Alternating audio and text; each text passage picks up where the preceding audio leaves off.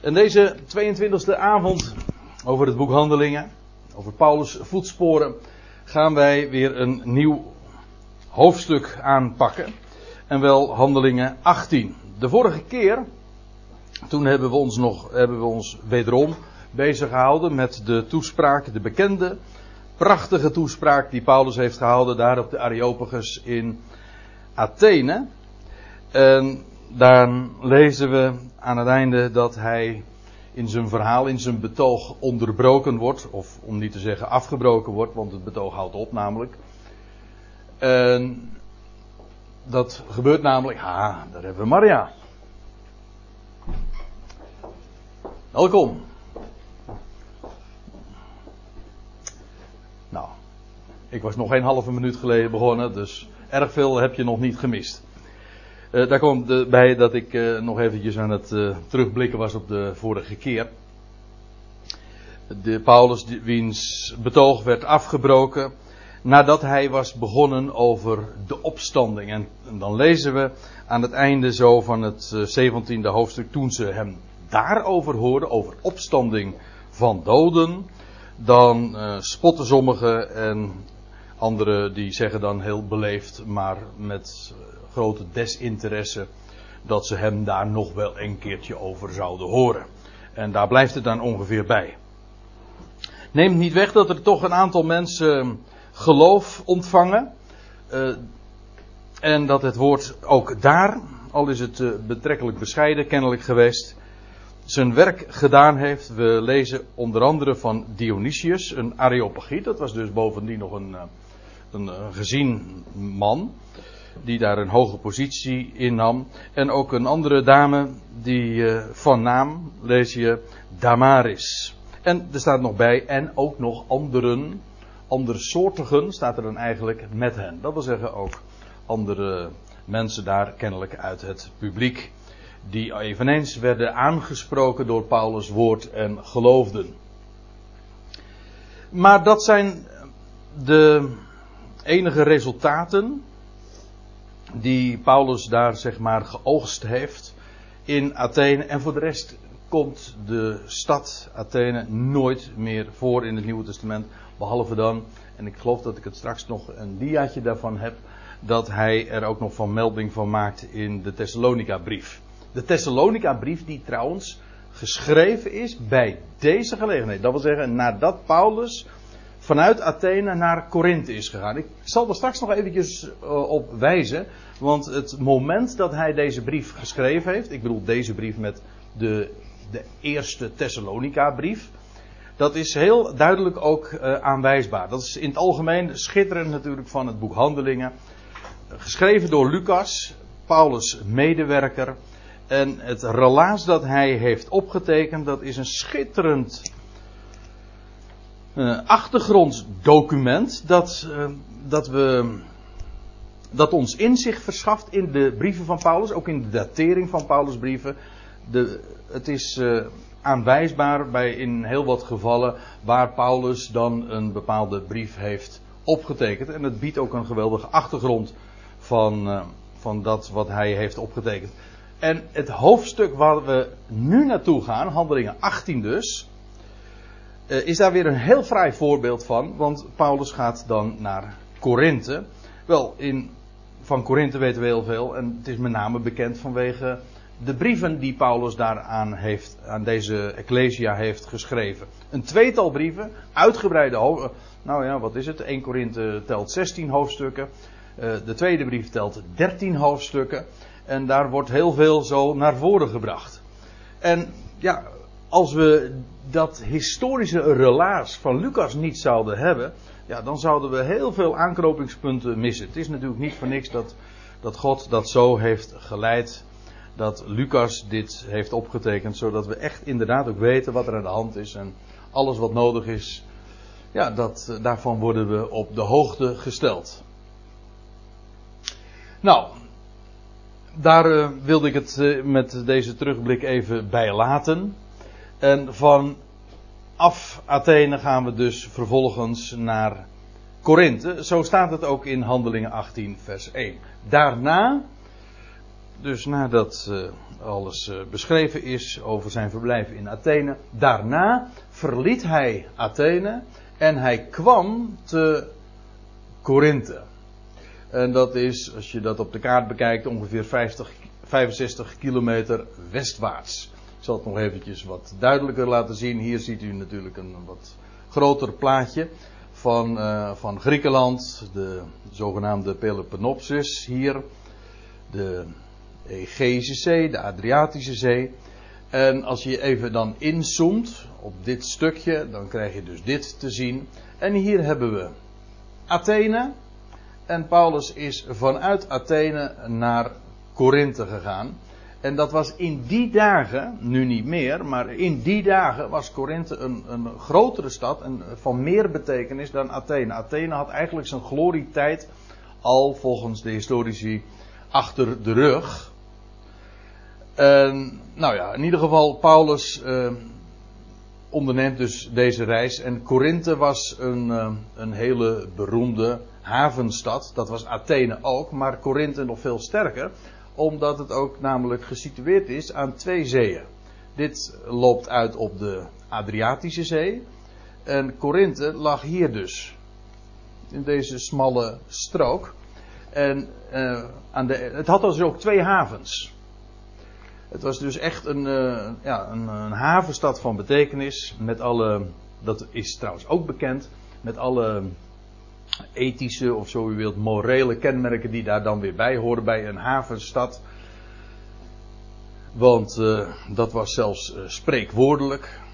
Het schijnt, ik kan het niet bijbel staven, maar het schijnt dat het een spreekwoord was dat men leefde als een Corinthiër. En dat was niet een, geen compliment. Daarmee bedoelde men dat was een, een zedeloos leven. En, ik moet erbij zeggen, als je dat zo in de Korinthebrief leest, zo'n aantal hoofdstukken, vijf, zes, zeven, dan uh, kun je daar ook een klein beetje een indruk van vormen.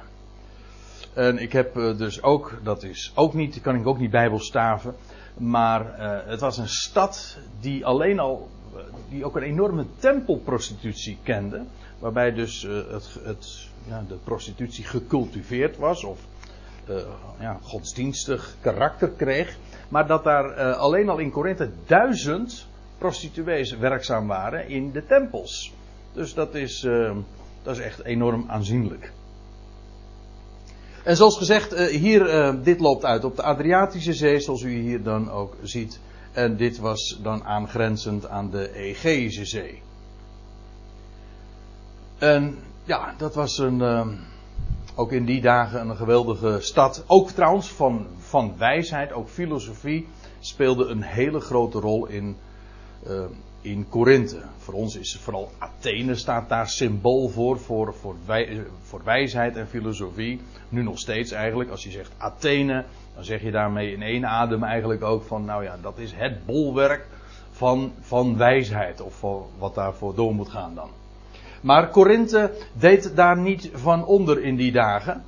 En dat trouwens zullen we, nou zullen we niet vanavond, maar dat zien we ook in de in de Korinthebrief, waar Paulus zich min of meer ook excuseert. Hij zegt ook dat als hij toen hij in Korinthe kwam, dat hij met knikkende knieën kwam. Ik zeg het nu me, eventjes met mijn eigen woorden, maar met vrezen en beven, zo was het ja. Maar dat was, uh, en, uh, maar met betoon van geest en kracht, geestelijke kracht. Dat wil zeggen, Paulus heeft nooit de moeite gedaan om op te boksen tegen de, de indrukwekkende filosofieën wat hij, gedacht, uh, wat hij verteld heeft daar, is een man die aan een kruis is gestorven. Nou, dat was het meest verachtelijke wat je kon bedenken om daar, om daar zeg maar alles aan vast te knopen, maar het is wel de waarheid. Stupide uh, in de ogen van, van de Corinthische filosofie en de wereld uh, waarin, waarin dat gesitueerd was, maar dat was de wijsheid Gods en de kracht Gods. Daar kwam Paulus mee. Maar naar de mens gesproken, ja, was, uh, kon hij daar natuurlijk niet uh, bogen op. Uh, en dat heeft hij, ook nooit, heeft hij ook niet gedaan. Hij heeft ook niet geprobeerd om zich te meten met de filosofen. Ondanks het feit dat Paulus natuurlijk ook wel zijn, zijn mannetje kon staan. En zeer op de hoogte was, niet alleen maar van de schriften, maar ik bedoel nu ook even van de academische wijsheid. En, en met het grootste gemak, we hebben dat de vorige keren ook gezien, dat hij filosofen van die dagen uh, citeert in zijn reden op, uh, op de Areopagus in Athene. Nou ja, in ieder geval hebt u een beetje een indruk van hoe, dat, uh, hoe je dat moet, moet zien. En Paulus is dus van deze stad.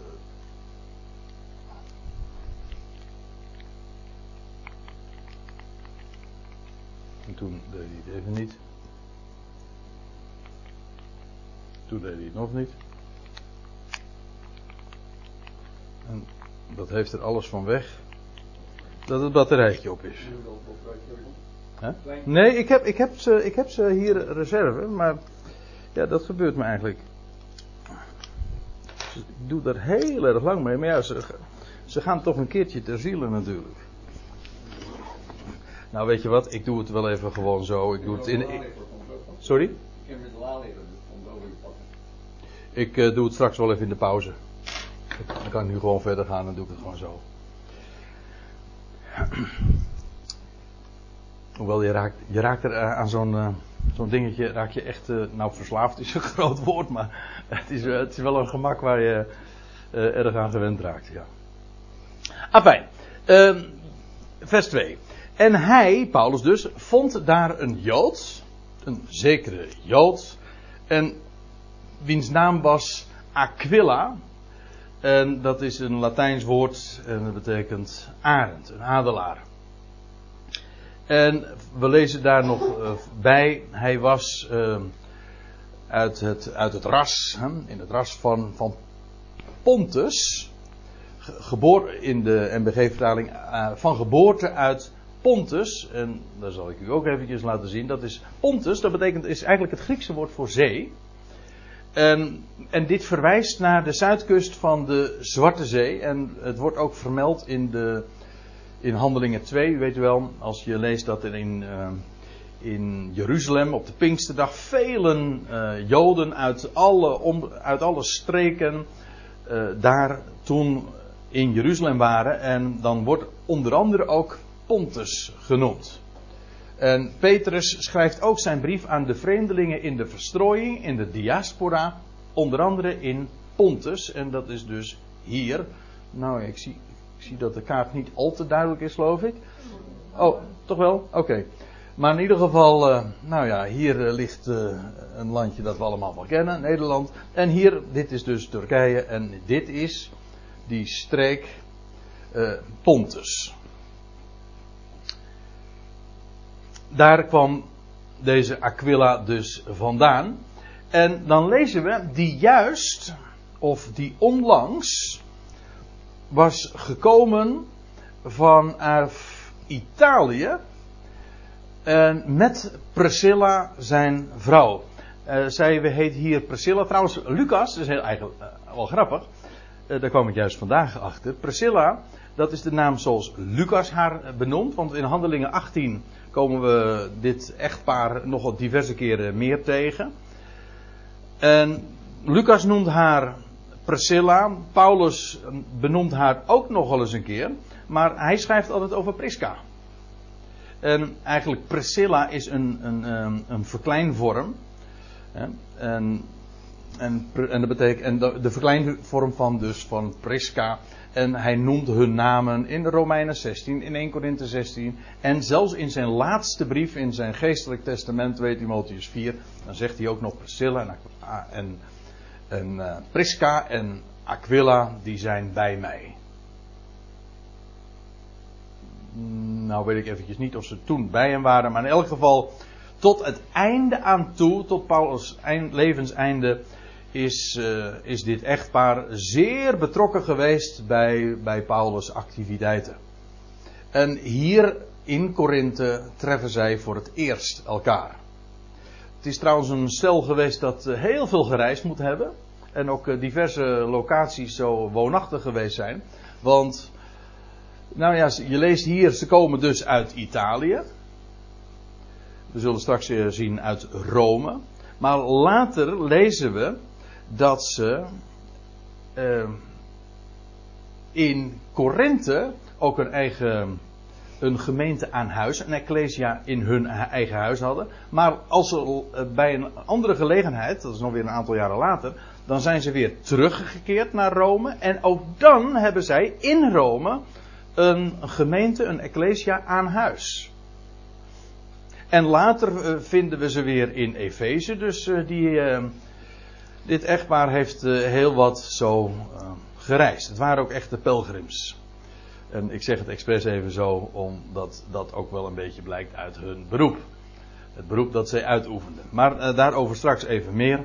In elk geval, we komen hen natuurlijk heel wat keren tegen. En in de brieven. En dat bedoel ik nou dus met hoe het boek Handelingen een historische achtergrond biedt die, die inzicht verschaft in ja, hoe, hoe die relaties waren. Hoe, uh, hoe heeft Paulus dat echtpaar, uh, hoe is hij hen op het spoor gekomen? Nou, hier, vond, hier staat het, hij vond daar een Jood in, in Korinthe, Aquila, van geboorte Pontus. En hij was juist uit, uit Italië gekomen met Pris, Priscilla, zijn vrouw. Waar, waarom was dat zo? Wel, dan staat er omdat Claudius, de keizer in die dagen, bevolen had, voorgeschreven had, uh, dat alle Joden, al de Joden, uh, ze, uh, Rome zouden verlaten. En dit is ook een bekend gegeven in, in buitenbijbelse bronnen. Want ik heb daar iets over gevonden en dat is deze uitspraak. Je leest namelijk van de Romeinse geschiedschrijver Suetonius. Uh, ja, waarschijnlijk dan eh, is. Ik dacht dat het een uh, andere naam was. Maar goed, maakt verder niet uit, want per slotverrekening, we kennen hem toch niet.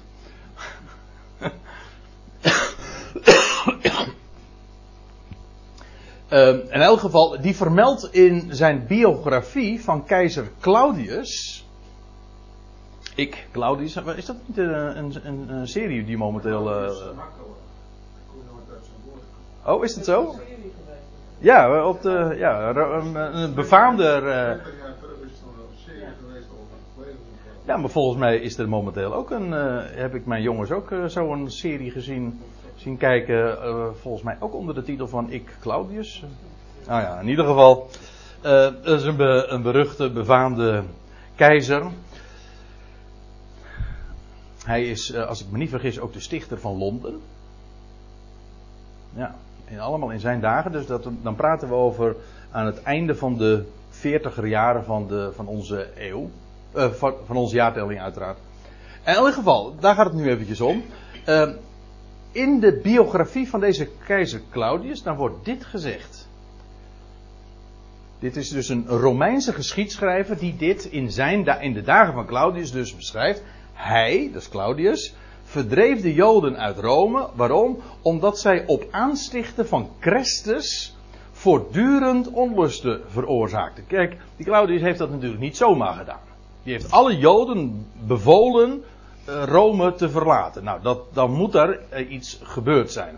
Nou, wat dat geweest is, er is maar één, heb ik begrepen, één historisch aanknopingspunt. En dat is dus deze geschiedenis, of deze uh, biografie waarin gesproken wordt, het zou, die onlusten waren ontstaan door een Christus.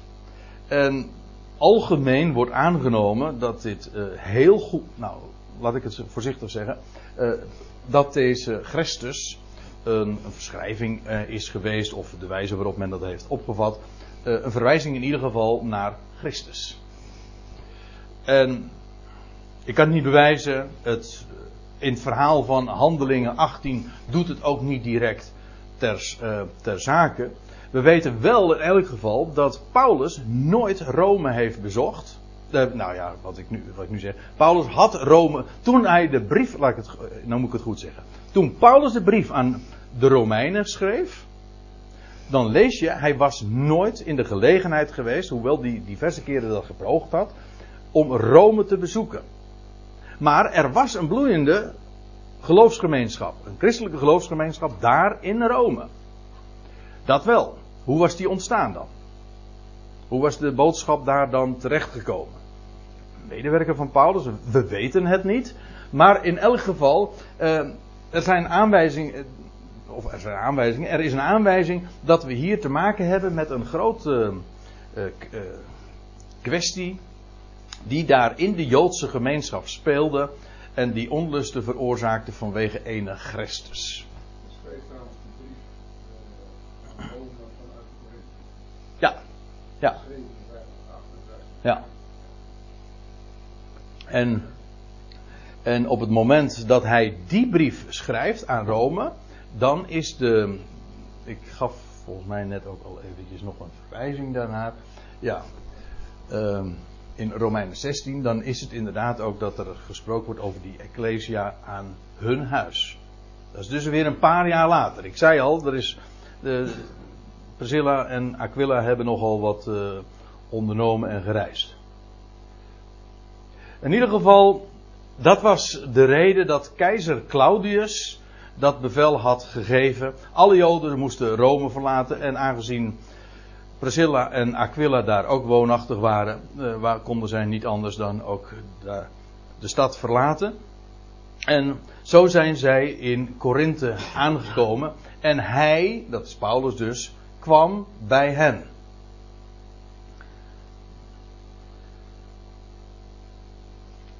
Zo heeft dus die ontmoeting plaatsgevonden tussen Paulus en Priscilla en Aquila. En wat we niet weten trouwens, in hoeverre deze Priscilla en Aquila al gelovig waren bij deze gelegenheid. Werden zij, uh, zijn zij door de ontmoeting met Paulus tot geloof gekomen? Het zou kunnen. Of waren zij dat al in Rome destijds en dat ze toen terecht waren gekomen in, in, in Korinthe? Uh, ik kan, daar kan alleen maar over gegist worden. De schrift geeft daar geen directe aanknopingspunten voor. Eén ding is zeker: Paulus kwam bij hen. En dat is uh, voor uh, het verhaal nu even genoeg. En dan staat er nog iets bij. En omdat hij, Paulus, hetzelfde handwerk uitoefende, bleef hij bij hen. En dan staat erbij, en zij werkten samen, of eigenlijk staat het dat hij werkte samen, staat er niet eens zo. Hij werkte, ja, daar dus, bij hen. Dan staat erbij, want zij waren tentenmakers van hun handwerk. Hun, je ziet hier ons woordje techniek nog in. Handwerk. Hun techniek. En zowel, uh, waarmee we dus, en dit is trouwens de enige keer in de schrift dat we lezen, dat uh, wat voor werk Paulus deed, wat voor handwerk hij verrichtte. Uh, hij le we lezen diverse keren in zijn brieven dat hij nacht en dag ook met eigen handen werkte. Ook in het boek Handelingen wordt daar verschillende keren melding van gemaakt. Maar wat voor werk zij deden, dat wordt slechts hier in Handelingen 18 vers 3 vermeld. Dat is ook omdat ze, ze, Zij hebben elkaar ook gevonden. Dat is de suggestie die hier ook gewekt wordt. Uh, ook vanwege dat gemeenschappelijk uh, beroep dat ze uitoefenen. En ze waren tentenmakers. Nou, ik, ik bedoelde uh, net al eventjes daar iets mee aan te geven. Ik vind dat ook heel typologisch. Een tent staat sowieso model voor. Ja, iemand die geen vaste verblijfplaats heeft, maar altijd maar onderweg is. Nou, ik zei zojuist al, van Priscilla en Aquila gaat dat in ieder geval op. Dat is, is eigenlijk het meest karakteristieke wat we van dit echtpaar weten. Ze waren altijd maar onderweg. En uh, van Paulus uh, geldt dat natuurlijk dito met een sterretje. Een pelgrim. En vandaar ook dat werk. En wat ze daarmee hebben gedaan. En uh, andere mensen zeggen dat zij gewoon meer in het algemeen hebben gewerkt uh, in het leer. Ik snap niet wat de, de, de, de, reden is om, dat, om zulke dingen daar dan van te zeggen. Het staat hier heel duidelijk uh, tentenmakers. En dat, heeft maar één, dat heeft maar één betekenis. Ze zijn gewoon tentenmakers. En wat voor werk ze daar verder specifiek mee deden, wordt niet daarbij vermeld. Goed. Zij treffen elkaar dus en uh, dit hebben zij gemeenschappelijk. Maar ze hebben natuurlijk veel meer gemeenschappelijk, dat begrijpt u wel. En dan lees je dit. En hij, weer Paulus, hij hield elke sabbat besprekingen in de synagoge. letterlijk staat er, hij, u ziet dat hier in de interlineair, hij argumenteerde. Ons woordje dialoog heeft daar nog mee te maken. Eh, het heeft te maken met het uitwisselen van woorden. Hij betoogde, hij argumenteerde. Hij argumenteerde echter, ziet u, hij argumenteerde echter in de synagoge ook overeenkomstig elke sabbat. Dat wil zeggen, gedurende de week was hij werkzaam met Aquila en Priscilla, wellicht, dat weet ik niet. Maar in ieder geval daar in dat huis als tentenmaker.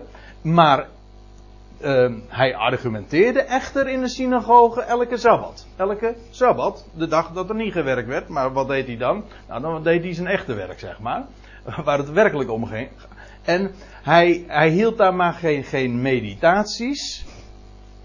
Geen uh, luchtige overdenkingen. Nee, hij argumenteerde. Dat er, Paulus had een drive. Hij had iets te vertellen daar. In de synagoge. En dat deed hij bovendien elke sabbat. Dat suggereert hier al, we zullen dat straks trouwens onderstreept zien, uh, dat, dat dit een. Uh, dat hij daar een langere tijd ook daadwerkelijk geweest is. Maar je weet natuurlijk nu al, eigenlijk al, op basis van alles wat we tot dusver hebben gezien, is van nou, dit zal toch niet al te lang hebben, dit zal toch niet al te lang hebben kunnen duren. Dat hij in de synagoge uh, dit zo heeft mogen vertellen. Uh, maar dat klopt ook wel hoor, dat zullen we straks vanzelf wel zien. Maar laat ik daar niet uh, nu al op vooruit lopen. Hij deed dit in ieder geval elke zabbat. En er staat er nog iets bij. En hij in de MBG-vertaling. En hij trachtte Joden en Grieken te overtuigen. Eh, vind ik nou weer leuk.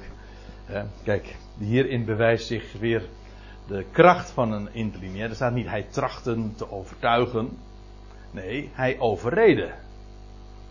Dat is wat er staat. Hij, over, hij overreden bovendien Joden en Grieken. Zo staat het er. Er staat niet bij dat hij een poging daartoe deed.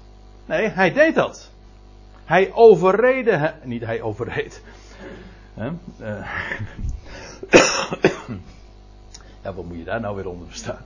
Uh, hij overrede, ja. Uh, hij overrede Joden en Grieken.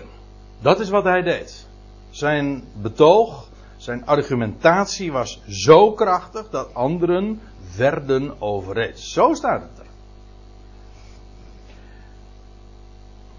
En hier, dat hier niet alleen van Joden spraken is, maar ook Grieken. Nou, dat hebben we inmiddels natuurlijk al heel veel vaker gezien. Grieken worden hier naast Joden genoemd. Dat zijn dus niet Joden en dat zijn in het algemeen, aangezien ze in de synagoge verblijven, dat zijn de Godvereerders. Hellenisten, geen Joden, Joodse mensen, maar niettemin sympathiseren. Godvereerders, zo worden ze meestal genoemd. En Paulus had zowel de Joden als de Grieken had hij een boodschap voor en, en hij overrede hen daadwerkelijk ook. Dat kon niet zonder gevolgen blijven. Als dit zo krachtig is wat hij daar vertelt. En dan lees je, maar en toen Silas en Timotheus uit Macedonië kwamen. Nou, en ik heb er al uh, in het begin al eventjes op gewezen. Dit is het aanwijsbare moment dat Paulus de brief schreef die wij kennen als 1 Thessalonica of 1 Thessalonicense. Dat weten we heel zeker. Want we weten dat, dat zagen we eerder, Silas en Timotheus die waren namelijk in Berea achtergebleven. Dat lezen we in Handelingen 17, laten we even verder gaan. In Handelingen 17, dat, we, dat hebben we dus een, eh, een paar keer eerder, avonden terug, al uh, gezien. Dan lees je, doch de broeders lieten toen terstond Paulus vertrekken vanwege de tumult die daar weer ontstaan was in Berea. In de richting van de zee, maar Silas en Timotheus bleven daar. Dat wil zeggen in Berea achter. En Paulus' geleiders, want Paulus moest uh, begeleid worden, want anders was hij zijn leven niet zeker.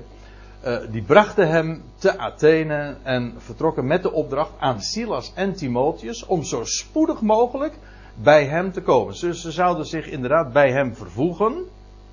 op een later tijdstip, maar wel zo spoedig mogelijk. Nou, en hier zijn we dus inderdaad uh, aangekomen op het moment dat zij uh, zich inderdaad bij Paulus voegen in Korinthe. Dat hebben Timotheus, daar moet ik er ook nog bij zeggen, was al eerder bij Paulus gekomen. Dat was namelijk in Athene. Nou gaan we naar 1 Thessalonica 3. Daar is, dus ik, ik, maak nu een, uh, mijn punt ook. Hier heeft Paulus zijn brief geschreven aan de, uh, aan de Thessalonicus, zijn eerste brief. En dan lezen we in hoofdstuk 3, vers 1. Daarom hebben wij, want we konden het niet langer uithouden, besloten alleen te Athene achter te blijven. Nou, dat is waar we het de vorige keer over hadden. Daar was Paulus alleen. En dan staat er. En wij hebben Timotheus, onze broeder en een medewerker van God in het evangelie van Christus, gezonden om jullie, in Thessalonica namelijk, te versterken en u aan te moedigen in zaken uw geloof. Hier is dus enige tijd overheen uh, heen gegaan. Dus, eventjes uh, probeer het voor de geest te halen. Paulus bevond zich daar eerst in Thessalonica, toen is hij naar Berea gegaan, toen moest hij, het, om het vegenlijf te redden, is hij vervolgens onder begeleiding naar Athene toegegaan. En had al de instructies gegeven aan Silas en Timotheus: kom zo snel mogelijk weer bij mij. In Athene heeft Paulus een, uh, heeft Timotheus getroffen. En heeft verhalen gehoord over wat daar uh, aan de hand was in Thessalonica. En wat heeft hij gedaan? Hij heeft hem meteen dus weer gezonden naar Thessalonica. Om jullie daar in Thessalonica te versterken. U aan te moedigen in zaken uw geloof. Dus Timotheus was naar Athene gekomen. Heeft het goede nieuws over Thessalonica verteld. En vervolgens heeft Paulus hem weer teruggestuurd naar Thessalonica. En daar vervolgens hebben ze, uh, heeft en Timotheus en Silas hebben zich uh, bij een latere gelegenheid zijn ze alsnog weer zuidwaarts gegaan. Ik zal het u ook laten zien, want hier heb je dan het kaartje. Dat is, had ik eigenlijk meteen even moeten laten zien, want dat is wat uh, duidelijker zo. Hier heb je dus, hier heb je Filippi, daar was Paulus eerst. Toen kwam die in, ja ik heb hier dus nu, nu geen niet zo'n pointer, maar dat maakt niet uit. Uh, waar, zijn we hier? Oh ja, hier Thessalonica. Dat is hier. Berea ligt daar niet uh, ver vandaan, vlakbij dus. En dit is allemaal die streek van Macedonië. Nou, en toen is Paulus vanuit Berea gegaan naar Athene en vervolgens in Korinthe. Nou, daar zijn we nu dus. En nu hebben en en Timotheus hebben zich uh, daadwerkelijk gevoegd bij Paulus in Korinthe. En daar heeft Paulus vervolgens zijn brief geschreven aan de Thessalonicense. Hoe weten we dat? Kijk het maar na in de eerste versen van 1 eh, Thessalonicense. Daar staat er van dat Paulus eh, in zijn aanhef, dan noemt hij zijn naam en dan zegt hij Paulus en dan zegt hij ook Silvanus en Timotheus. Trouwens, even tussen voor de goede orde, Silvanus en Silas, dat zijn dezelfde. Lucas noemt hem Silas, en Paulus spreekt altijd over Silvanus, maar het is exact dezelfde. Ja, 50, 51. Ja. Ja. ja. Dat hij eh, de brief aan de Thessalonicense schreef. En, want op dat moment zijn Silas, Silvanus en Timotheus bij Paulus. En dan schrijft hij die brief aan de Thessalonicense. Dus je krijgt zo, als je zo links en rechts wat eh, bladert en vanuit het boek Handelingen naar de Thessalonicense brief, dan kom je al dat soort informatie van, als vanzelf op het spoor.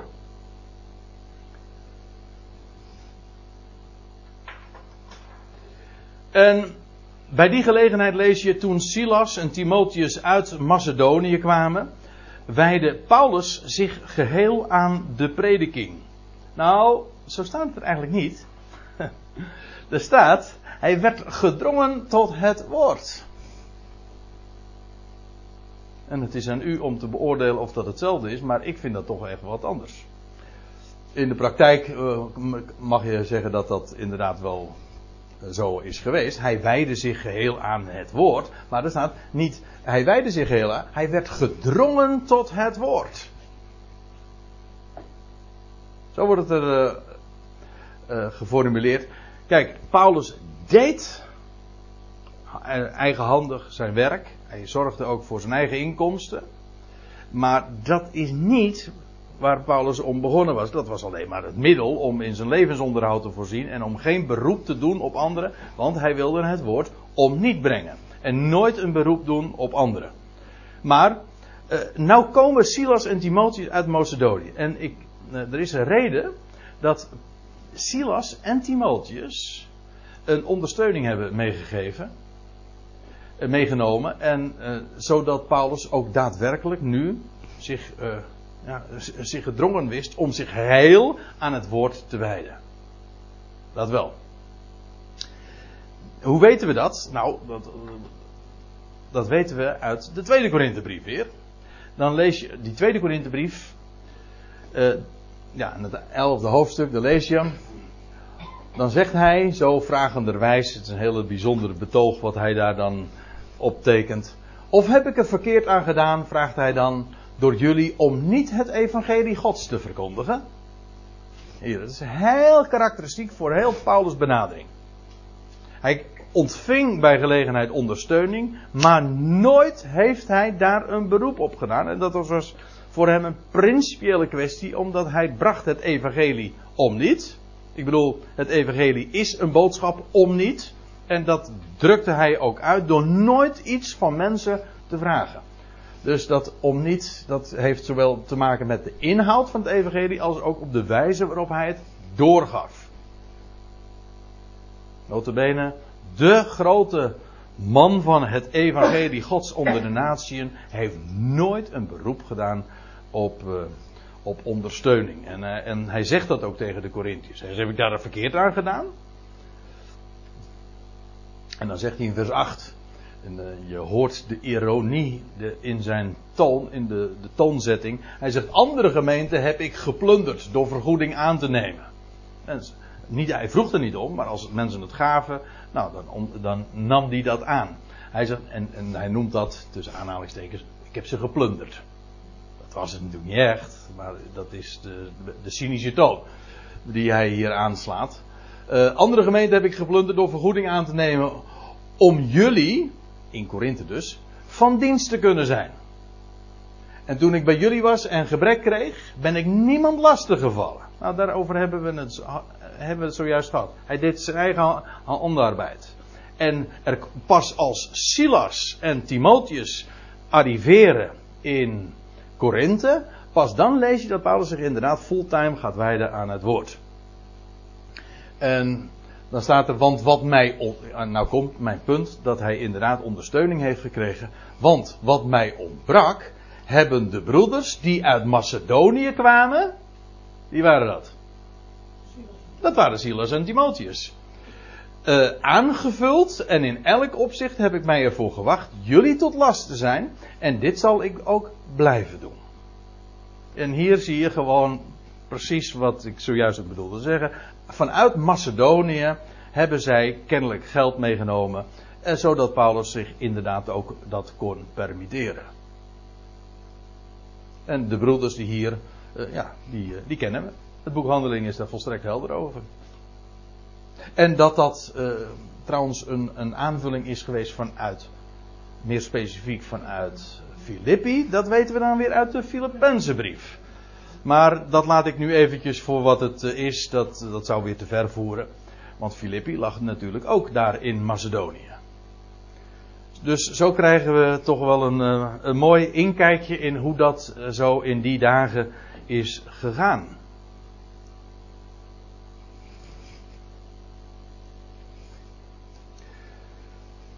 Toen Silas en Timotheus uit Macedonië kwamen, wijde Paulus zich geheel. Hij was, werd gedrongen uh, tot het woord. Hè, waarin hij de Joden betuigde dat Jezus de Christus is. Of, eigenlijk staat er, dat de Christus Jezus is.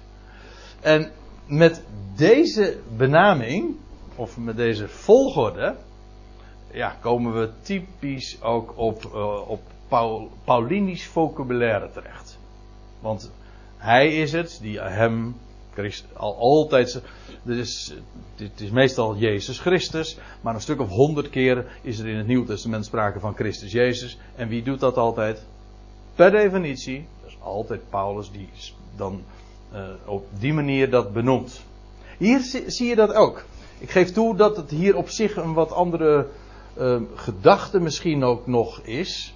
Want uh, wat Paulus hier dus feitelijk zegt is, hij, de Joden betuigde hij dat de Messias, nou praat ik dus echt, echt op zijn Joods.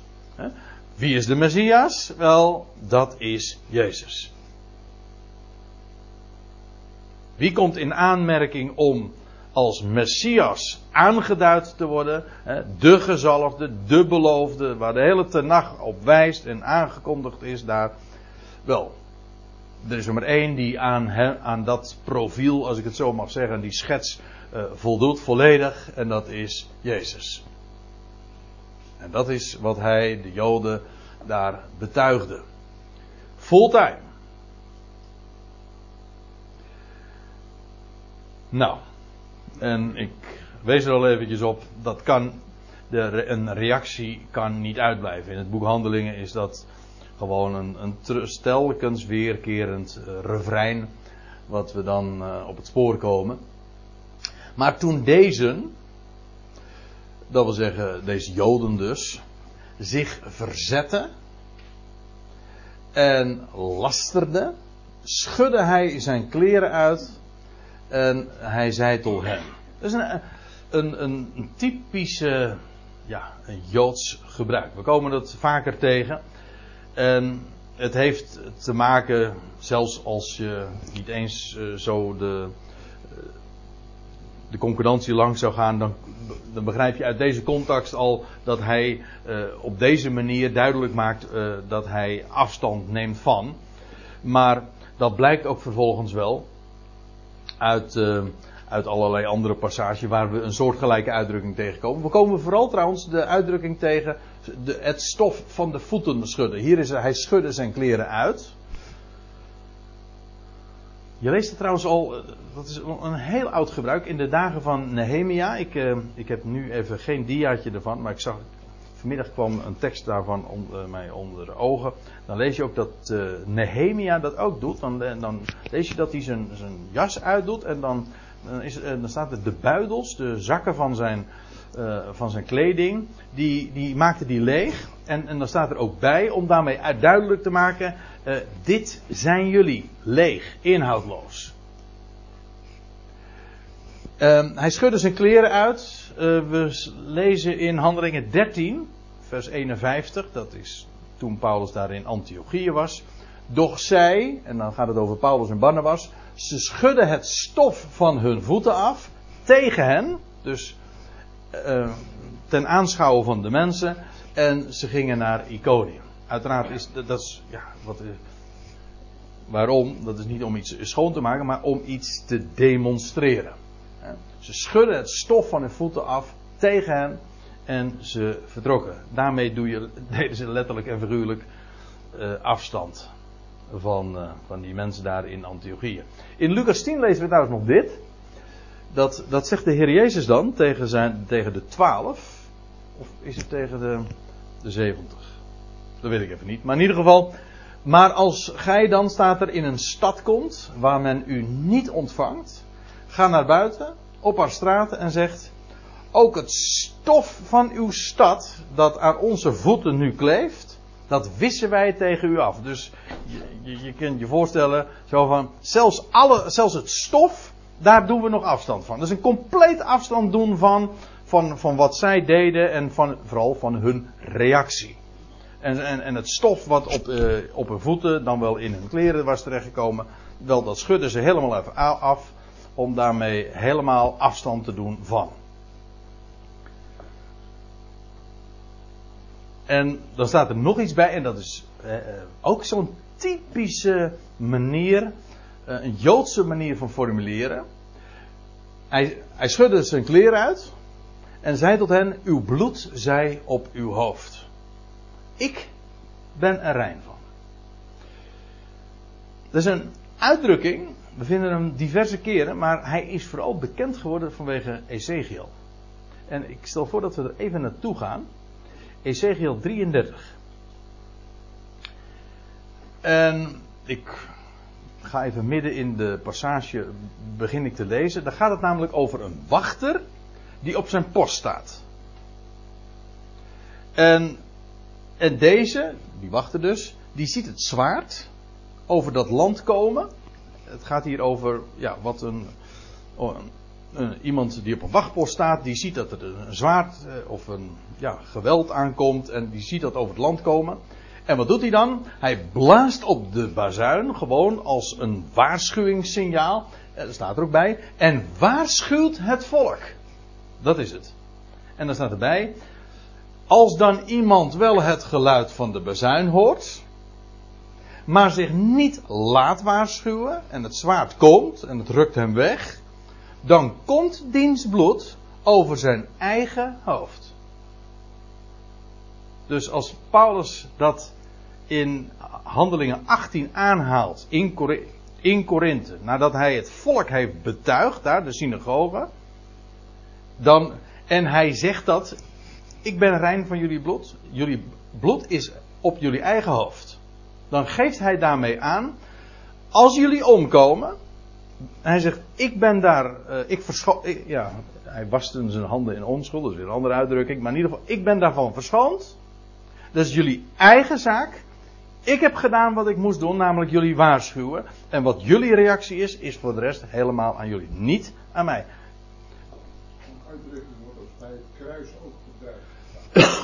De oudste die dat over zich en over hun kinderen uitgeeft. Ja, oh ja, ja, ja. Uw, uh, zijn bloed komen over ons en onze kinderen. Zijn bloed komen over ons. Dat, ja, dat is uh, wel heel duidelijk ook. Uh, dat mochten wij omkomen of onze kinderen nakomen uh, dan zij dat zo. Wij zijn daar volledig voor verantwoordelijk. Dat is wat zij daar bij die gelegenheid in Jeruzalem zeggen.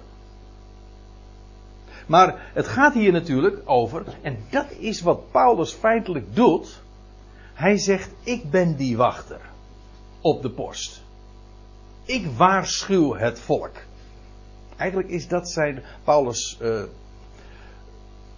ondankbare taak. Kijk, van de twaalf lezen we nog dat zij het evangelie predikten aan, aan, aan het volk van Israël. Juist ook met het oog op dat zij zich zouden bekeren. Hè, en dat de Messias zou terugkeren. Bij Paulus is dat niet meer aan de orde.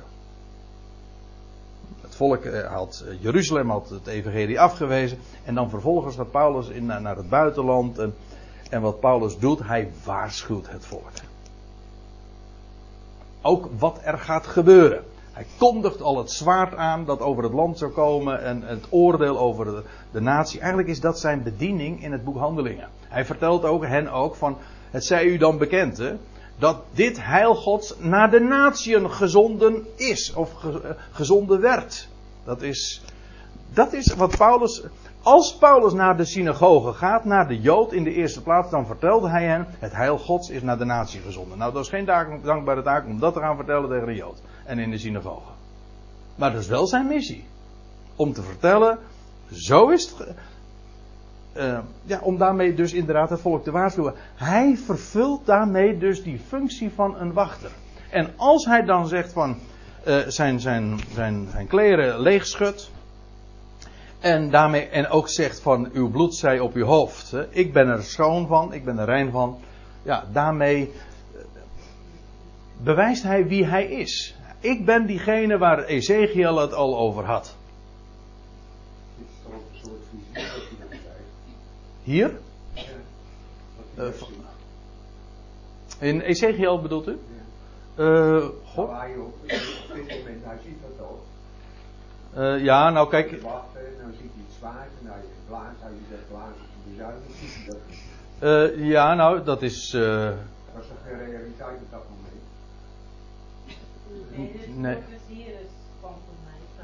In, ja, ja, ik heb het niet helemaal in dit verband. Ja, het woord des Heer kwam tot mij. Maar dit is wat een, als een wachter dat ziet.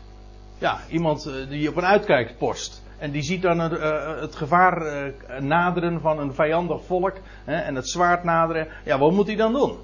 Nou, gewoon het signaal, dat is waar hij voor, voor aangesteld is. Waarschuwen. En dan, dan, blaast hij op de bezuin. En, zo, op die, door dat te doen, waarschuwt hij het volk. En als ze dan het geluid wel horen, ja, en, het volk reageert er niet op, ja, dan is die wachter daarvan gevrijwaard. Die is. Uh, diens bloed. ehm, het bloed kwam dan niet op zijn hoofd, op, op dat van die wachter. Dat is wat er eh, eigenlijk staat. Ja, en dat zegt eh, Paulus dan ook ehm, eigenlijk als, als afsluiting. Hè, na die enorme reactie, verzet, lastering. eh, daar in de synagoge kan hij daar niet mee aankomen. U ziet, Paulus heeft met zoveel kracht overreden. eh, die, de, en en ehm, er zijn er zoveel die ook inderdaad gehoor hebben gegeven. Maar het volk aan zich, dat wil zeggen daar de synagoge als geheel, de leiding, wel, die moest daar niks van hebben. Maar eh, vandaar dus deze reactie. En dan, en dan zegt Paulus dit, en dan, en dan trekt hij ook nog een andere conclusie. We zullen het daar straks dan eh, vervolgens ook over gaan hebben, in het navolgende. Maar voortaan zal ik mij vanaf het nu. Dit is het moment. Israël, jullie synagoge hier in Korinthe, wijst het af. Wel, dit is het moment dat ik mij tot de natieën zal wenden. Dat ik tot de natie zal gaan. Dat wil zeggen, daarmee vervalt ook, als hij dat zegt, het privilege van de Jood en van de synagoge. Door dat te doen. Zonder onderscheid, zonder dat daar nog eh, dat privilege is van, van, van de synagoge. Je, het is ook heel eigenaardig of ja, opvallend als je leest dat als Paulus later, dat is in handelingen 21, dan op het, eh, ja god, dan is het ook al zo'n tumult eh, ontstaan en dan op het tempelplein dat Paulus het, het woord mag gaan voeren en dan lees je dat hij zijn hele verhaal vertelt en, en dan zegt hij dat, hij, dat de Heer hem had gezegd, ik zend u weg, ver weg naar de natie. Zo staat het. En dan lees je, en de Joden hoorden hem aan tot dit moment. En dan wordt hij bijna gelyncht. Dat, dat zo'n heftige reactie. Want daarmee zegt Paulus, door door, doordat, hij, doordat hij aangeeft, de Heer zelf is het die mij heeft erop uitgestuurd om naar de natieën te gaan. En daarmee voelde Israël donders goed aan. Ja, daarmee zijn wij dus op het zijspoor gekomen. En dat was precies het verhaal. Voortaan zal ik mij tot de natieën wenden. Dat is eigenlijk het boek Handelingen. Ik gaf er net al even aan. Uh, het is uh, in de aanvang van het boek Handelingen is het de twaalf die daar in Jeruzalem met grote kracht, eigenlijk tot de dood van Stefanus aan toe, met grote kracht het evangelie prediken van het, de, de komende koning en het koninkrijk.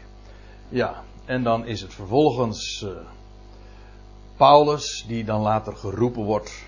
En hij, aan, op hem rust de taak om te vertellen dat het heil naar de natieën is gegaan. En hij mocht dat gaan vertellen overal in de synagogen. En hij ook om als wachter het volk te waarschuwen. We, zien, we hebben dat veel eerder in Handelingen 13 al uh, toen ook gezien. Dat, dat er uh, staat. Dat hij. Ja, misschien is dat het wel even goed om dat. Uh, voordat we gaan pauzeren, nog eventjes op te wijzen. In Handelingen 13. Daar staat er in vers 39. Ik heb er geen diaatje van. Maar dan lees je dit. In Handelingen 13, vers 39. Nee, vers 40. Ziet dan toe. Wat zegt hij daar, daar in de synagoge? Dat zijn zijn laatste woorden daar. Ziet dan toe. Dat u niet overkomen wat in de profeten gezegd is. Ziet verachters. En hij, hier begint zijn citaat. Ziet verachters. Verwondert u. Verdwijnt. Want ik werk een werk in uw dagen. Een werk dat gij voorzeker niet zult geloven. Als iemand het u verhaalt. Nou ja, en dan uh, gaat de synagoge uit. Maar hij zegt daar veracht. Hij zegt, hij spreekt daar de, de synagoge aan en zegt, jullie zijn verachters. Hij zegt, jullie zullen je verbazen, en, maar jullie zullen ook als volk verdwijnen. Dit is een waarschuwing. Dit is ook met recht gebeurd. Het volk is verdwenen. Van de, letterlijk. De, de, Jeruzalem is met de grond gelijk gemaakt. Allemaal in die generatie is dat gebeurd. En verwondert u. Uh, uh, dat wil zeggen, er gaat, God gaat een wonderlijk werk uh, verrichten. En hij gaat naar de natie toe. Een, dat was verwonderlijk. Dat wil zeggen, Israël begreep dat niet. En kon dat ook niet waarderen. En dat riep alleen maar jaloezie, naijver op. Paulus kon dat ook niet. En Paulus, in aanvang bedoel je? Nou, laat ik het zo zeggen. Als Petrus dat ook citeert in Handelingen 3 vers 21.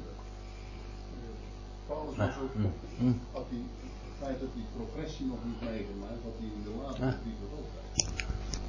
Dat moest Ja. gebeuren dit. Ja, Zodat het lichaam van Christus ook tot openbaarheid zou komen. ja, Die onthulling Ja. krijgt hij pas in zijn latere bediening. Op dit Ja. moment heeft hij daar nog geen weet van. nou daar zou ik wel eens een keertje een, eh, een discussie over. Ja? Waarom? Omdat hij in feite eigenlijk die boodschap brengt van het koninkrijk. Als Israël zich wel bekeerd zou hebben, dan had je de situatie meegemaakt waar Petrus in het beginsel allemaal zei: Als je je nu bekeren, komt Christus terug. Ja. ja dat, maar dat was in de dagen van Petrus en het, zeg maar tot de dood van Stefanus het geval. Klopt. En, maar Jeruzalem heeft eh, inmiddels eh, het evangelie afgewezen en dan roept God Saulus, die later als Paulus dan eh, gaat opereren.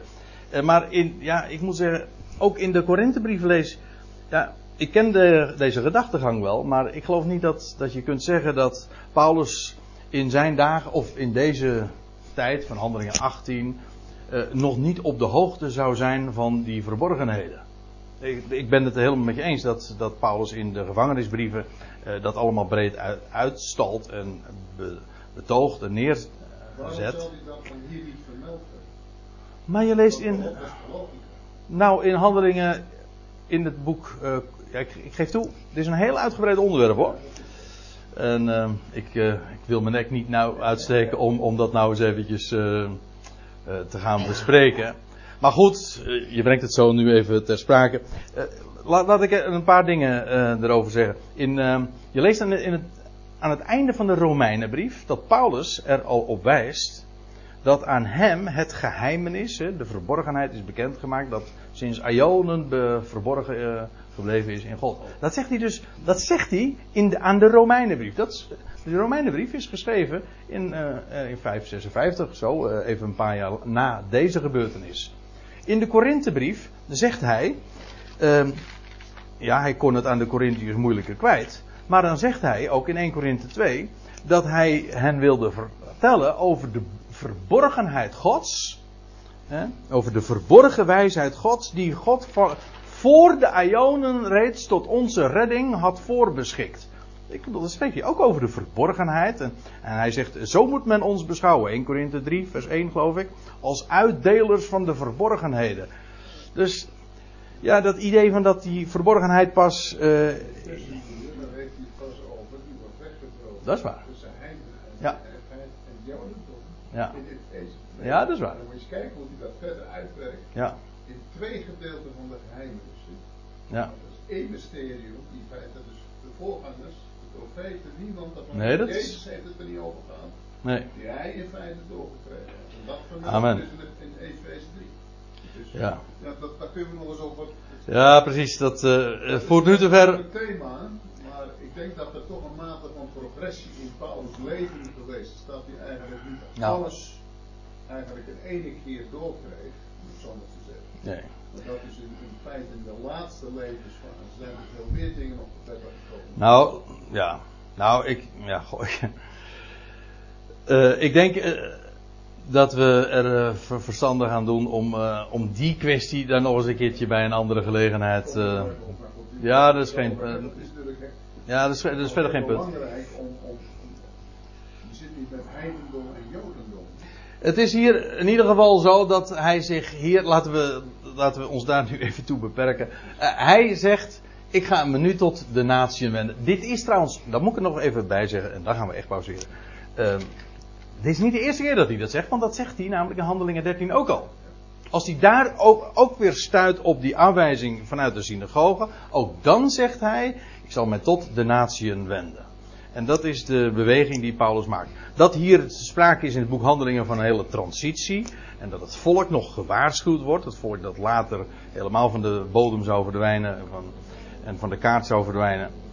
Dat is uh, een ding wat zeker is. Nou, zullen we het hier maar eventjes dan uh, bij laten. Dan uh, gaan we straks verder met handelingen 18 vers 7.